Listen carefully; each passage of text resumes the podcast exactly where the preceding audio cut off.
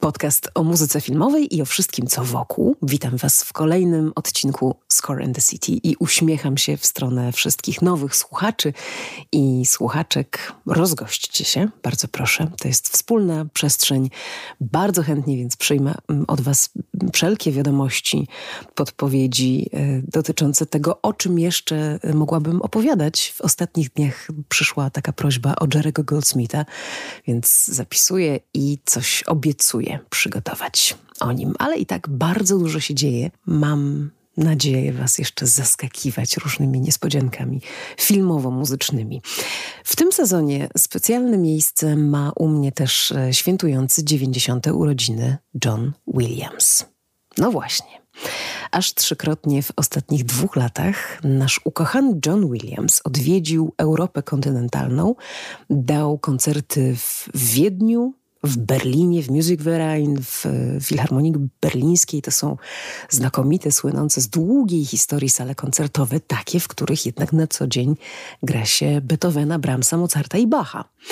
W tym roku e, Williams e, ma jeszcze przynajmniej raz się pojawić niedaleko nas, no, trochę dalej może niż, niż do Wiednia i do Berlina, bo w mediolańskiej Laskali, której sławy chyba też omawiać jakoś nie muszę. To jest dobry moment, żeby zapytać, co na to środowisko tak zwanej muzyki poważnej. Co na to krytycy, którzy nie zajmują się muzyką filmową. Czy jesteśmy w dwóch różnych zespołach, czy może jednak gramy do tej samej bramki, którą to bramką jest szeroko pojęta wrażliwość muzyczna po prostu. O tym wszystkim rozmawiam e, dzisiaj z krytykiem, dziennikarzem ruchu muzycznego, autorem świetnego podcastu o muzyce klasycznej Szafa Melomana, Mateuszem Ciupką. To jest rozmowa pozbawiona lukru, moi drodzy, może was nawet miejscami trochę zdenerwować. I tu mówię zarówno do was, do melomanów, jak i do was, do tych ortodoksyjnych fanów kina i muzyki filmowej. Ale takie rozmowy chyba są warte tych emocji. I bardzo się cieszę, że Mateusz dał się namówić. Zapraszamy.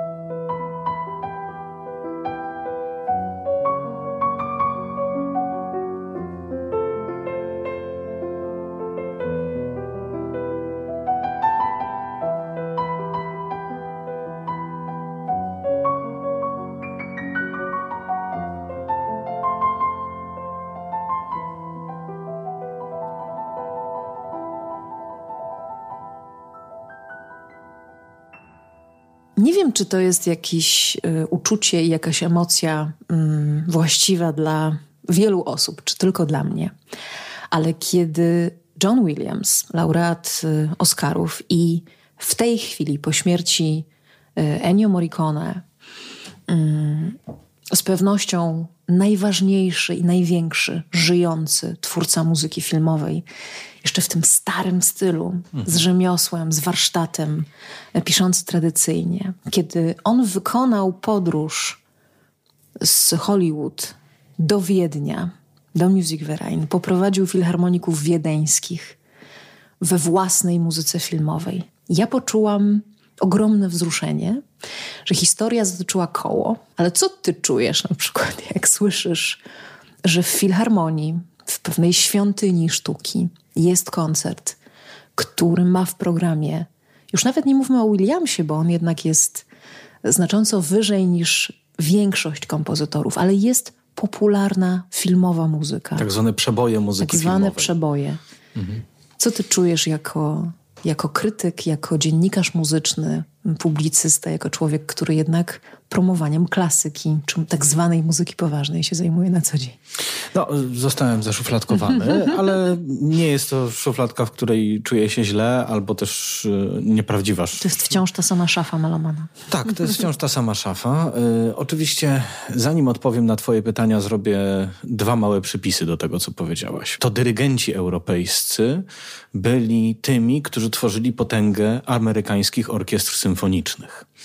To Toscanini budował e, potęgę Nowojorczyków, znakomity, fenomenalny polski y, dyrygent Artur Rodziński, prawda, który w zasadzie był, y, no, przeszedł przez cztery czy pięć amerykańskich orkiestr, przez Cleveland, przez Nowojorczyków między innymi to, to Europa budowała wielką siłę y, amerykańskich orkiestr symfonicznych, które później zresztą przecież tę muzykę nagrywały i, i ją tworzyły. Więc to jest przypis mhm. numer jeden. Przypis numer dwa jest taki, że oczywiście, że to europejska muzyka y, romantyczna i późno romantyczna i neoromantyczna dała podwaliny y, pod muzykę filmową, czego najlepszym dowodem jest właśnie John Williams, o którym mówisz, bo to chyba już każdy wie, ale no, powiem to tak czy inaczej.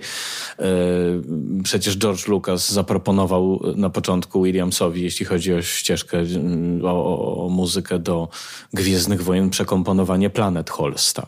Tylko, że przekomponowanie ich było zadaniem karkołomnym, no i stąd nam się wzięła, e, wziął, wziął track oryginalny, prawda, czyli zupełnie nowa muzyka, którą napisał Williams, aczkolwiek wykazująca mnóstwo podobieństw, bo wystarczy posłuchać tych motywów imperialnych, prawda? E, motywów ciemnej strony, one i porównać sobie je na przykład z Merkurem, czyli planetą wojny, prawda? Ale również wystarczy porównać je z twórczością innego genialnego Europejczyka, czyli Ericha Wolfganga Korngolda, który hmm. też do kina trafił mm, w pewnym swoim momencie. Później się z tego wycofał, mu się obraził, ale jednak wiadomo, że to są te same źródła i te same no, ścieżki. Tak, tak no i teraz Korngold wraca na mhm, szczęście. Mm -hmm. Już z takiego. Y, y, on właśnie wychodzi z jakiejś szufladki, y, takiego kompozytora. Mm, no właśnie, teraz powiemy, kompozytora filmowego, to od razu mamy na myśli, że ten gorszy niż ten no, Symfoniczny. Tak, niż ten, tak, niż ten poważny, który napisał dla orkiestry po to, żeby ludzie słuchali tylko, a nie żeby oglądali i słuchali i tak. Nieważne, to są, oczywiście, że to są szufladki, które są beznadziejne i zaraz pewnie też do tego dojdziemy. Natomiast mam takie poczucie, że przez wiele, wiele lat, szczególnie jak sobie przypomnę taką złotą erę Bogusława Kaczyńskiego, takim repertuarem, który przyciągał, tak, takich niecodziennych bywalców mhm. może, nie, nie, nie tych abonamentowców filharmonicznych, tak, do, do, do, do, do tej świątyni sztuki właśnie były jakieś takie rozmaite galowe koncerty. Trochę mam wrażenie, muzyka filmowa zaczyna zastępować te rzeczy. To znaczy dalej w polskich operach te gale operowe są i one są wciąż jeszcze popularne, ale mam wrażenie, że powoli zaczyna wymierać pokolenie, które je bardzo lubi. Dla młodego pokolenia już te pióra i te wątki operetkowe i te jakieś tam I takie... te usta milczą. No już to zaczyna trącić myszką niestety. I yy, to jest niestety, może stety, no po prostu tak, tak jest. Już inaczej też zaczynamy postrzegać operę. Yy, mimo, że w Polsce, jak mówię, ten, ten duch Bogusława Kaczyńskiego wciąż jeszcze unosi się nad wodami yy, i nad filharmoniami i nad operami.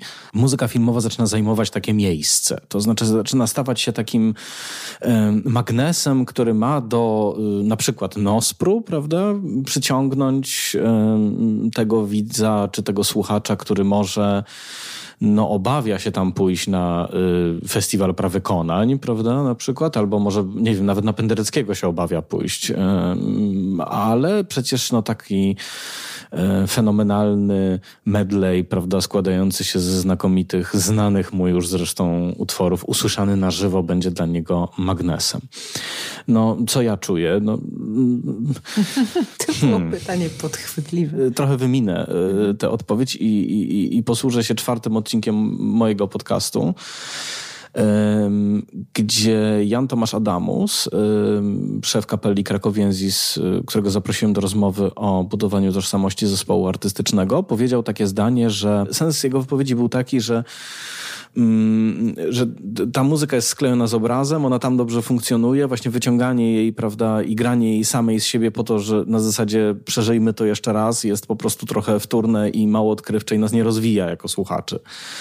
Okej, okay, może to być przyjemne, tak? Nikt nie twierdzi, że nie, ale to nie jest rozwijające w żaden sposób.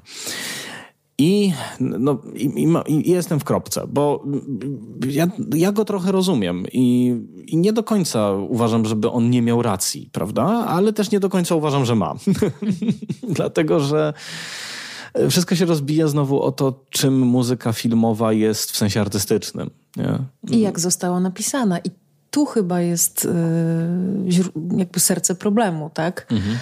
Jeśli mamy do czynienia z muzyką, która jest napisana tak jakościowo, jak pisał Killer, jak pisał Williams, bez względu na to, czy piszą muzykę mm, autonomiczną, czy muzykę użytkową, no to jej miejsce w filharmonii jest jak najbardziej uzasadnione, ponieważ ona stawia przed um, zespołem takie same trudności wykonawcze, może czasem i większe, bo kto raz spojrzał na orkiestrę przed i po wykonaniu koncertu z y, programem Gwiezdnych Wojen, ten wie, że to jest orkiestra, która naprawdę została postawiona przed bardzo trudnym zadaniem. Mhm.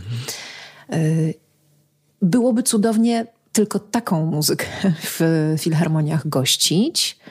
Mm, ja rozumiem, dlaczego jest y, ten program szerszy. Nie mam nic przeciwko. A, jeszcze jedną rzecz chciałam powiedzieć, że a propos tej wtórności, że, że taki Williams, taki Killer, ale dla mnie również Morricone, Henry Mancini, jest wielu wspaniałych y, tradycjonalistów i było w muzyce filmowej. To jest muzyka, którą też można interpretować. E, która nie jest wtórna, ponieważ ona e, poddaje się mm, filtrom dyrygentów wybitnych, jakiejś interpretacji e, i jest no, świetnym takim materiałem do tego, żeby opowiedzieć publiczności historię. A że posługujemy się tym wspomnieniem z filmu i robimy trochę to w duchu, przeżyjmy to jeszcze raz. Czy to jest coś złego? W końcu na Mozarta na Beethovena i na Bacha też idziemy po to, żeby usłyszeć coś, co w dużej mierze znamy i to znamy doskonale. Tak? Mhm. Jak, jak jest rekwiem Mozarta grane, to myślę, że idziemy tam, bo wiemy, co usłyszymy. Mam takie wrażenie, że, y, czy takie poczucie, że w tej naszej mhm. rozmowie troszeczkę za, brakło nam chyba w tej chwili definicji tego, mhm. tej muzyki filmowej. Dlatego, że oczywiście, że jasne, kiedy jakby w pierwszym odruchu mówimy muzyka filmowa, to mamy właśnie przed oczami te Gwiezdne Wojny, to mamy, nie wiem, tam Helikopter w ogniu, prawda, jakieś no, no hity, tak, nie wiem, Władcy Pierścieni. Natomiast y, przecież y, muzyka filmowa to jest też kawał E, solidnej produkcji, która artystycznej. Przepraszam, bo to brzmi może okropnie, ale, ale tak, autentycznie, bo to jest produkcja w sensie produkcja, filmowym, tak, tak, tak, ale ar artystyczna w sensie poziomu. Mówię teraz o muzyce, która um, jest bardzo ambitna. Mhm. I Killer oczywiście jest jednym z wielu przykładów, e, natomiast weźmy choćby twórczość e, studia eksperymentalnego Polskiego Radia.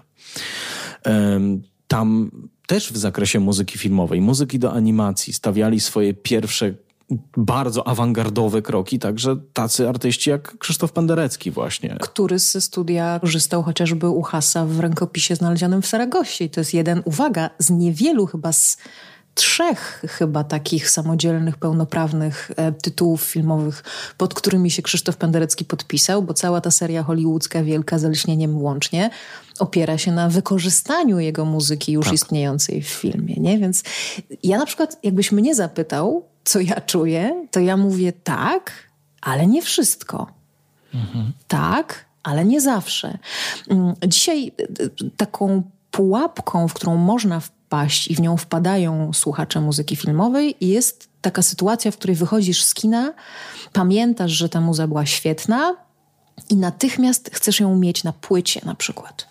Nie każda muzyka filmowa nadaje się do nagrania, na, do, do, do wydania na płycie, bo po co? Tak? Czasem się ona nadaje, czasem nie. Więc tu, jest, tu potrzeba dużej ostrożności, ale musisz się zgodzić, że, że to, co muzyka filmowa robi, i to jest robota świetna, to jest przyciąganie do filharmonii ludzi, którzy nigdy by tam nie weszli, gdyby nie ten Morricone, gdyby nie Nino Rota i Ojciec Chrzestny, gdyby nie Wojciech Kilar. Z tym się muszę zgodzić, zgadza się, tutaj nie mam, no i zgadzam się, tutaj nie mam za bardzo wyboru, natomiast... Yy Problemem z punktu widzenia mm, kształtowania gustu publiczności, a uważam, że każda polska instytucja muzyczna musi spełniać tę misję, ponieważ jest finansowana z naszych podatków, nie jest prywatną inicjatywą, która po prostu liczy zyski tylko my się wszyscy zrzucamy na to, żeby Filharmonia Narodowa mogła grać, żeby Opera Wrocławska mogła grać i tak dalej, i tak dalej. Jest to, żeby później, okej, okay, przyciągnąć tych ludzi do siebie, ale ich zatrzymać. No, ale to jest sztuka, wiesz, którą...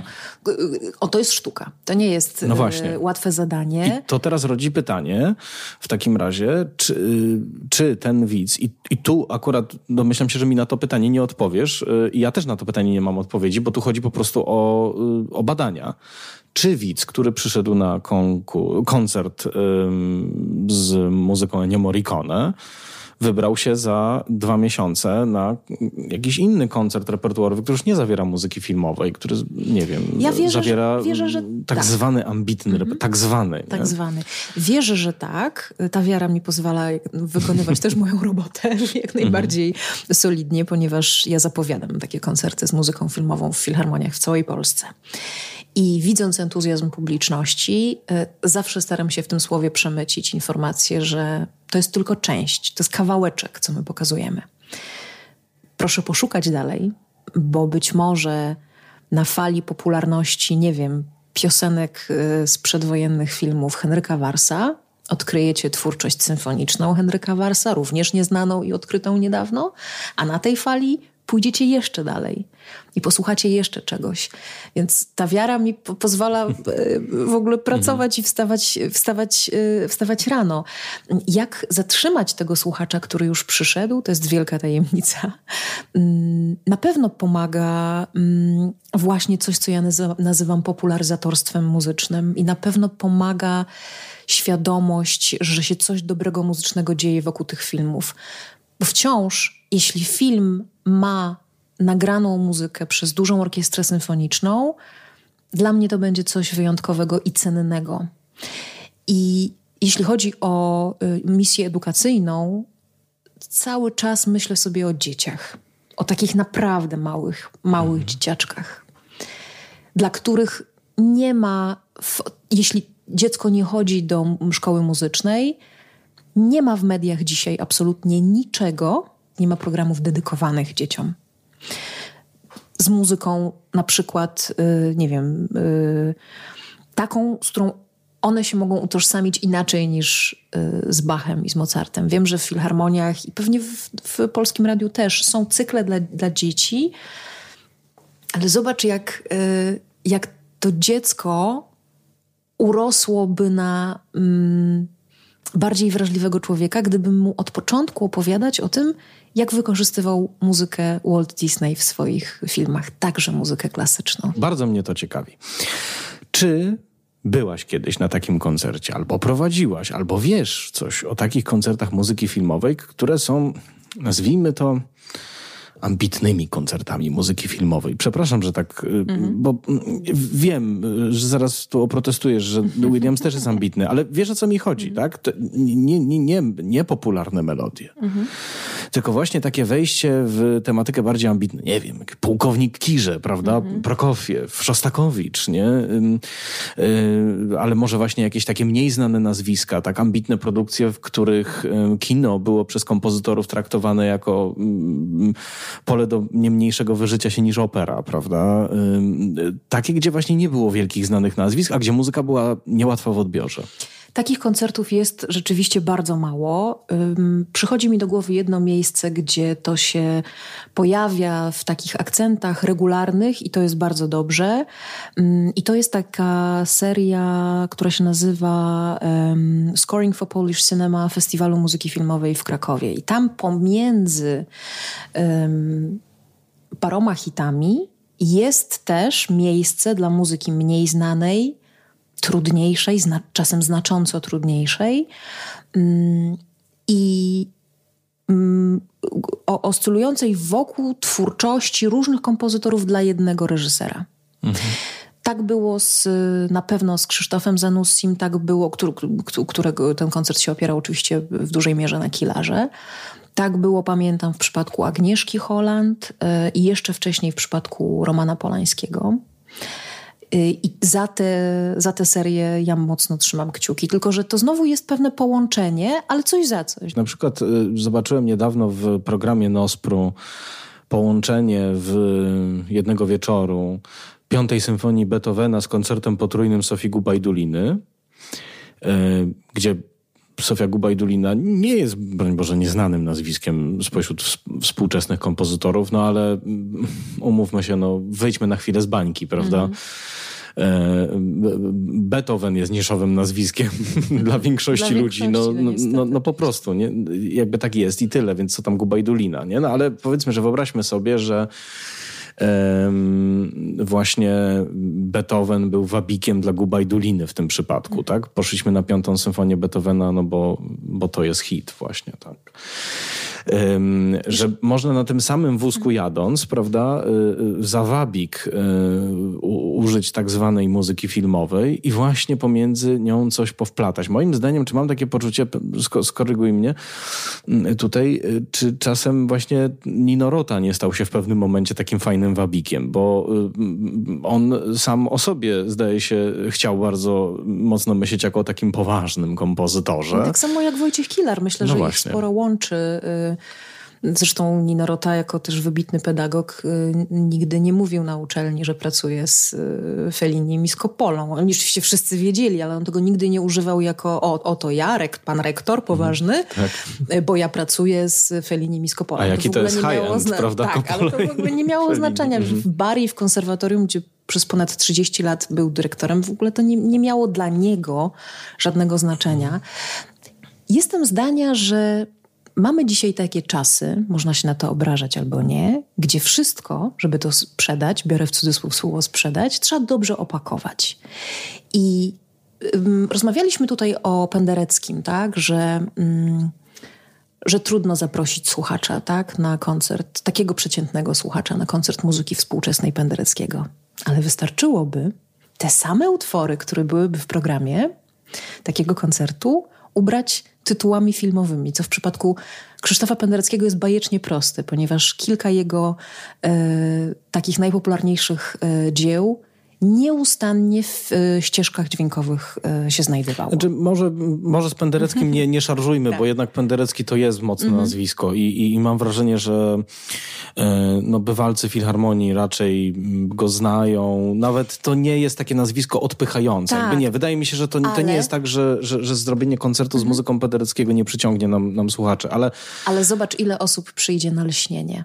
A ile osób przyjdzie na tren ofiarom Hiroshimy? No tak, jeśli, jeśli mówimy o Polsce, mhm. to z całą pewnością mm, tutaj będzie przewaga dla lśnienia, ale także dlatego, że właśnie to, o czym już wspomnieliśmy, czyli fatalny stan ogólnej edukacji muzycznej powoduje, że i to nie ja sobie to wymyśliłem, tylko świetnie właśnie Anna Chęćka napisała o tym w książce Słuch Metafizyczny. Ja już też o tym parę razy rozmawiałem w różnych odcinkach mojego podcastu, że y, mamy coś takiego, że w Polsce ten, nazwijmy to, grupa ludzi, czy, czy, czy zbiór ludzi, którzy interesują się kulturą i są w miarę na bieżąco z premierami książkowymi, teatralnymi, filmowymi i tak dalej, nigdy nie są prawie na bieżąco z muzyką i o ile chętnie przy mm, kawie czy przy piwie opowiadają o tym, co przeczytali w danej książce albo co widzieli na ekranie, o tyle zawsze jak zaczyna się rozmowa o muzyce, jeśli już jakimś cudem trafili do filharmonii, to ona zawsze zaczyna się od takiego mm, no i to ja się nie znam, ja, ja nigdy nie grałem na żadnym instrumencie, prawda? To jest jakby, czemu nie mamy przekładalności, że ktoś nie usiądzie i nie powie, yy, no wiecie, ja, ja mogę z wami o tej książce porozmawiać, ale ja żadnej książki w życiu nie napisałem. Wiesz co, ja myślę, że to dlatego, że ludzie się boją um, no. czegoś, co jest im nieznane, no boją właśnie. się popełnić jakiś błąd i siłą na przykład Krzysztofa Pendereckiego wspomnianego, uśmiechamy się do pana profesora do góry, i było to, że on o swojej muzyce opowiadał w bardzo prostych słowach. Mhm. E, zrozumiałych dla każdego. On to miksował ze swoimi opowieściami o, o, o, o, drzewach, o przyrodzie, o historii, w, w końcu o byciu dziadkiem. To się wszystko tak. splatało tak, że ten słuchacz był oswojony i później chętniej sięgał po jego twórczość, która na pierwszy rzut ucha mogłaby się wydawać dla niego za trudna. Mamy mało kompozytorów pięknie mówiących dzisiaj. Takich, myślę, również, przepraszam, klasycznych, znaczy poważnych, tak? A, albo ich nie ma tak w mediach szeroko. No to, że a ich nie ma jest filmowi, sprawą jasną. No właśnie, a ci filmowi mhm. e, są jednak tutaj częściej, chociaż też nie wszyscy mhm. potrafią um, przekazać y, jak, jakąś tam swoją ideę, czy jakoś, no wiesz, no, zachęcić. No, tak. Wiem, że to brzmi jak brzmi, ale niestety wracam do tego sprzedać. E, tak. Dzisiaj można pisać najpiękniejsze rzeczy dla siebie, e, albo na papierze notowym, albo na zwykłym, i chować do szuflady. I to jest tylko dla nas do momentu, w którym tego komuś nie damy, a żeby, to, żeby ktoś to chciał od nas wziąć w tym natłoku bodźców, informacji, wpływów, kulturze yy, fast, która nam daje wszystko na wyciągnięcie ręki. E, już nawet, nawet myśmy się urodzili i, i, i, dorastaliśmy w czasach, w których nie było takiej możliwości, że sobie siadamy przy stole i odpalamy sobie z telefonu jakąkolwiek płytę chcemy. Oczywiście. A dzisiaj to mamy, nie? No i jeśli chodzi o jeszcze o, o, o ten poziom artystyczny, który muzyka filmowa ma lub, i, lub go nie ma, no to jest oczywiście to jest bardzo trudne yy, yy, pole działania, ponieważ oczywiste jest, że, że gro muzyki, która powstaje do filmu, e, to jest produkcja, e, która nie ma w żadnym wypadku wielkich ambicji artystycznych, tylko ma po prostu zilustrować obraz, który się sprzeda. E, i, mm, i, nie ma wielkich szans po prostu na to, żeby wyciągnąć coś więcej, no bo no, po prostu produkujemy, robimy produkt komercyjny. No, to no jest tak tyle. jak z piosenkami też, wiesz. I, oczywiście radiu, zawsze... się produku... kiedyś się pisało, no tak. chyba Andrzej Korzyński powiedział, kiedyś się piosenki pisało, dzisiaj się produkuje. No właśnie, no tylko jakby tak, trzeba uszanować dobre ars, dobrego rzemieślnika. Jeżeli ktoś potrafi napisać sprawną, dobrą muzykę do filmu, która ten film wspiera, po czym ileś dziesiąt milionów dolarów ten film zarabia i ta muzyka w tym zarabianiu nie przeszkodziła, a być może jeszcze pomogła, no to po prostu należy się ukłonić i powiedzieć bardzo dobrze, nie zamykać się w jakiejś okropnej bańce pod tytułem y, y, to nie jest y, high-end, tak, tak, to tak. nie jest, oni tego nie zagrają w Filharmonii Berlińskiej, w związku z czym to nie jest, nie, nie jest, nie no bez sensu, prawda, okej, okay, no tak sam, na tej samej zasadzie mm, Zresztą tu też musimy jeszcze jeden mały przypis zrobić. Współczesny kompozytor nie ma tego, mówię teraz o Polsce, mhm. bo nie mam bladego pojęcia niestety, jaka jest sytuacja w tej chwili kompozytorów na przykład we Francji, ale powiedzmy, że... Myślę, że podobna. No prawdopodobnie tak. No, w, w Polsce kompozytor, y, który zdecydowałby się na to, aby duszę sprzedać wyłącznie filharmonią, orkiestrą, albo zespołom kameralnym i festiwalom muzyki współczesnej, to jest kompozytor, który będzie miał bardzo trudne życie. Y, jest dzisiaj twórca muzyki skazany na wszechstronność. Musi robić różne rzeczy. Musi pisać muzykę dla teatru, często musi pisać muzykę do reklam, do, y, czasem nawet jest zmuszony do, zrobienia jakiejś tapety dźwiękowej i tak dalej. Ponieważ on to umie robić, do tego jest wymagane rzemiosło, a musi z czegoś żyć. Ale słuchaj, ale tak samo było na początku istnienia muzyki filmowej jako gatunku. Zapraszano do współpracy tych, którzy to potrafili robić. To byli jazzmeni, to byli kompozytorzy estradowi, muzyki rozrywkowej, szeroko rozumianej, to byli wreszcie kompozytorzy poważni.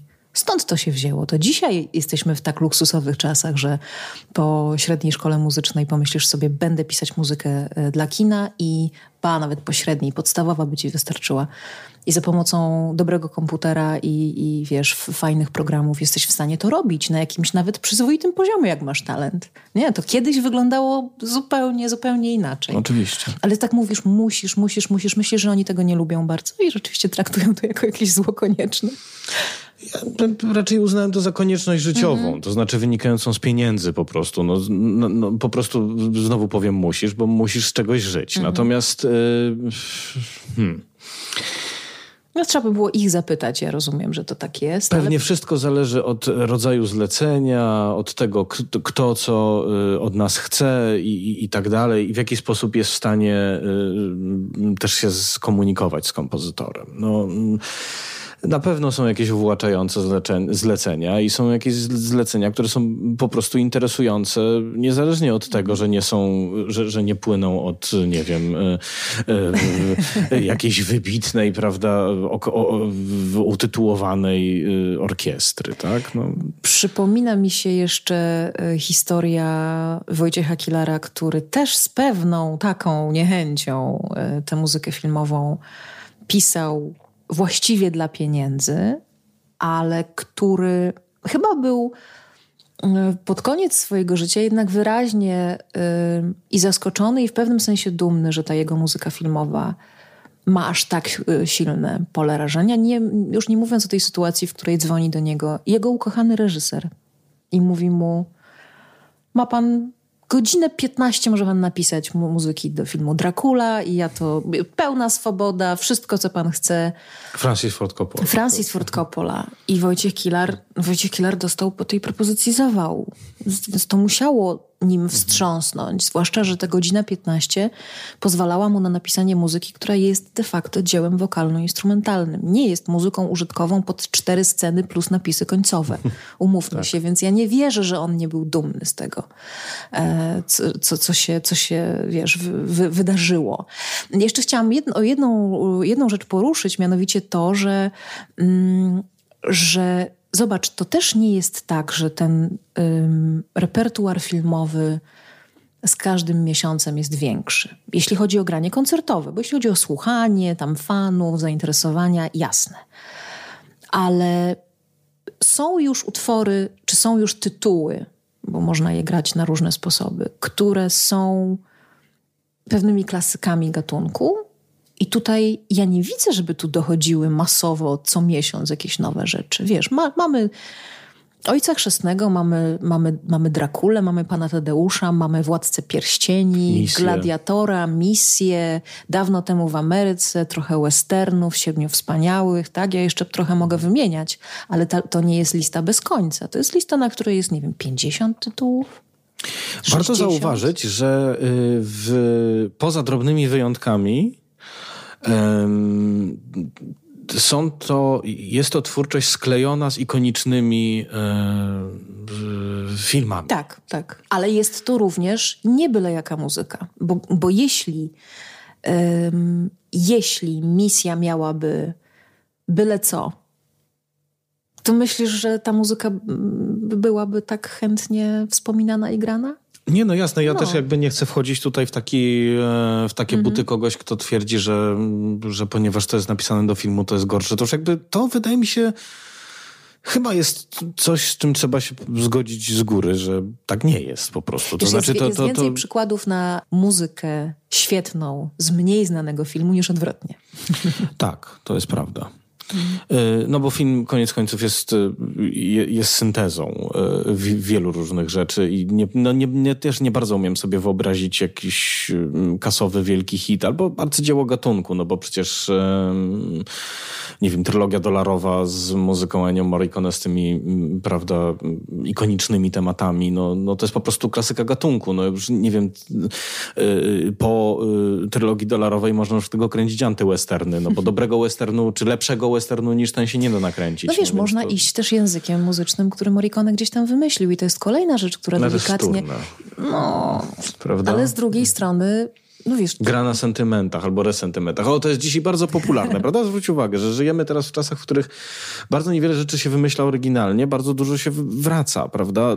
Popularność takich seriali jak Stranger Things, prawda? Czy kręcenia czegoś w konwencji czegoś, albo czegoś, co dyskutuje z konwencją czegoś, pokazuje, że yy, no, wiemy bardzo wiele, ale z oryginalnością myślenia czasem bywa kiepsko. I tu mamy odpowiedź na pytanie, dlaczego na tej liście tytułów wciąż granych i przypominanych jest yy, tylko 50 50-60 pozycji, dlatego że ich twórcy robili coś oryginalnego. No tak. No. Bo robił to i Morricone, i Rota, i Kilar, i Penderecki w pewnym zakresie, tak? I e, nie wiem, tych nazwisk też znowu nie jest tak dużo. Jerry Goldsmith jeszcze z całą pewnością z takich ważnych. Mm, e, ja też bardzo lubię Patryka Doyla, który jest starannie wykształconym kompozytorem, tubistą też w ogóle, jakby muzykiem po prostu rasowym. I jego debiut, spektakularny debiut w Henryku V, e, filmie, w którym debiutował również jako reżyser Kenneth Branagh. To jest właściwie takie powiedzenie hello, jest, jestem trochę mm, muzykiem klasycznym, ale trochę jestem muzykiem filmowym. Warto jeszcze y, zwrócić uwagę, że ta tradycja, o której wspomniałaś, czyli to, mm, że właśnie tacy uznani kompozytorzy, jako ci, którzy po prostu to potrafią przez lata pisali. Stąd mamy Prokowiewa jako autora muzyki filmowej. Kamila mamy... Sensansa przede wszystkim, Oczywiście. od niego się wszystko zaczęło. No właśnie.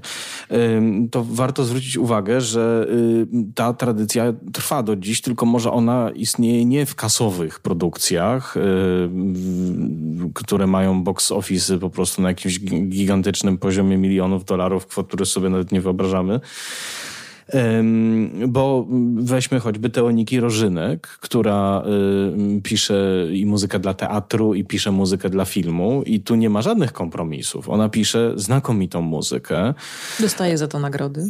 Została nagrodzona na Festiwalu Polskich Filmów Fabularnych w, Gdyni za muzykę do Prime Time, y, czyli debiutu filmowego Jakuba Piątka.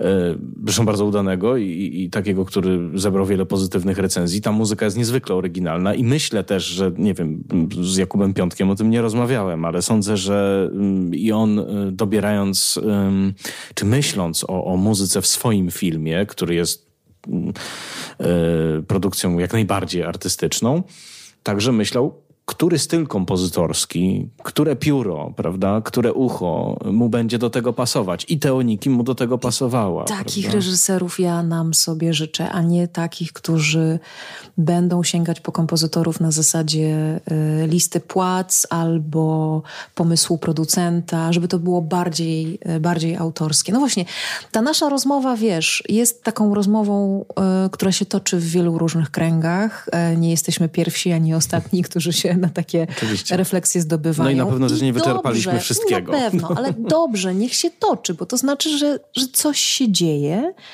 Jeśli y, nasi słuchacze chcą się do tej rozmowy włączyć, to zapraszamy. Jeśli coś Absolutnie. Y, czujecie, napiszcie.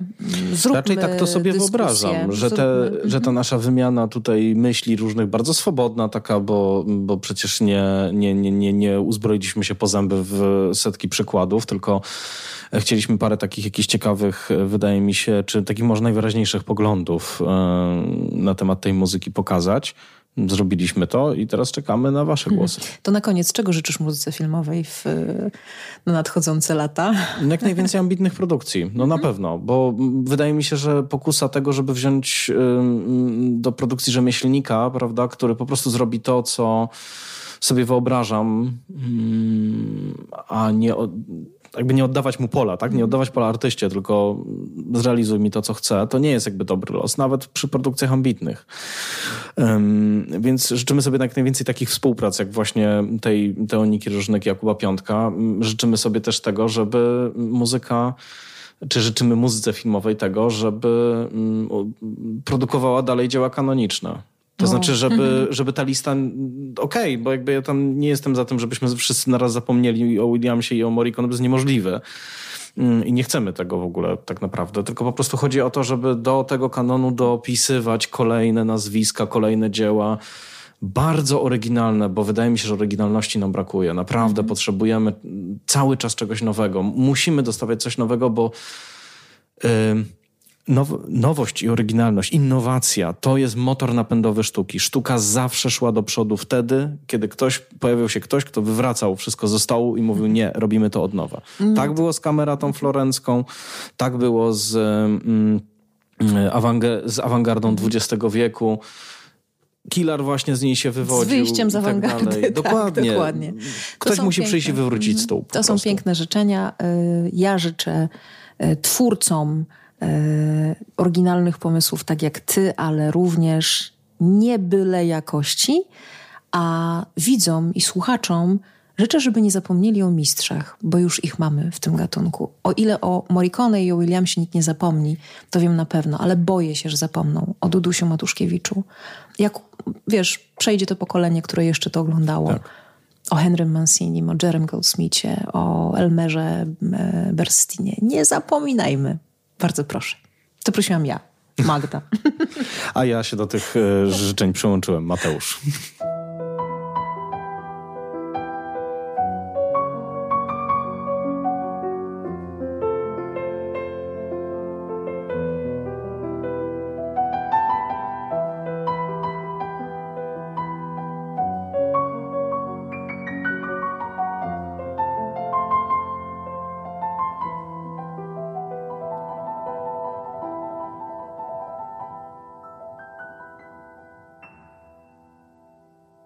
Dziękuję, że wysłuchaliście tego odcinka Score and the City. Puśćcie go dalej w świat. Będę bardzo wdzięczna za wszystkie recenzje i za gwiazdki. To na Spotify'u i w Apple Podcast, bo one podtrzymują życie każdego odcinka. No i serdecznie Wam polecam też podcast Mateusza Szafa-Melomana. Prowadzi fascynujące rozmowy o życiu muzycznym. Robi to przyjaznym językiem i z wielką pasją wprowadza nas w świat muzyki klasycznej, współczesnej e, i w świat e, ich wielkich osobowości. Znajdziecie w Szafie Melomana jeszcze jeden nasz wspólny odcinek poświęcony podcastowaniu o muzyce w ogóle, bo okazuje się, że to jest istna Mission Impossible. Do usłyszenia.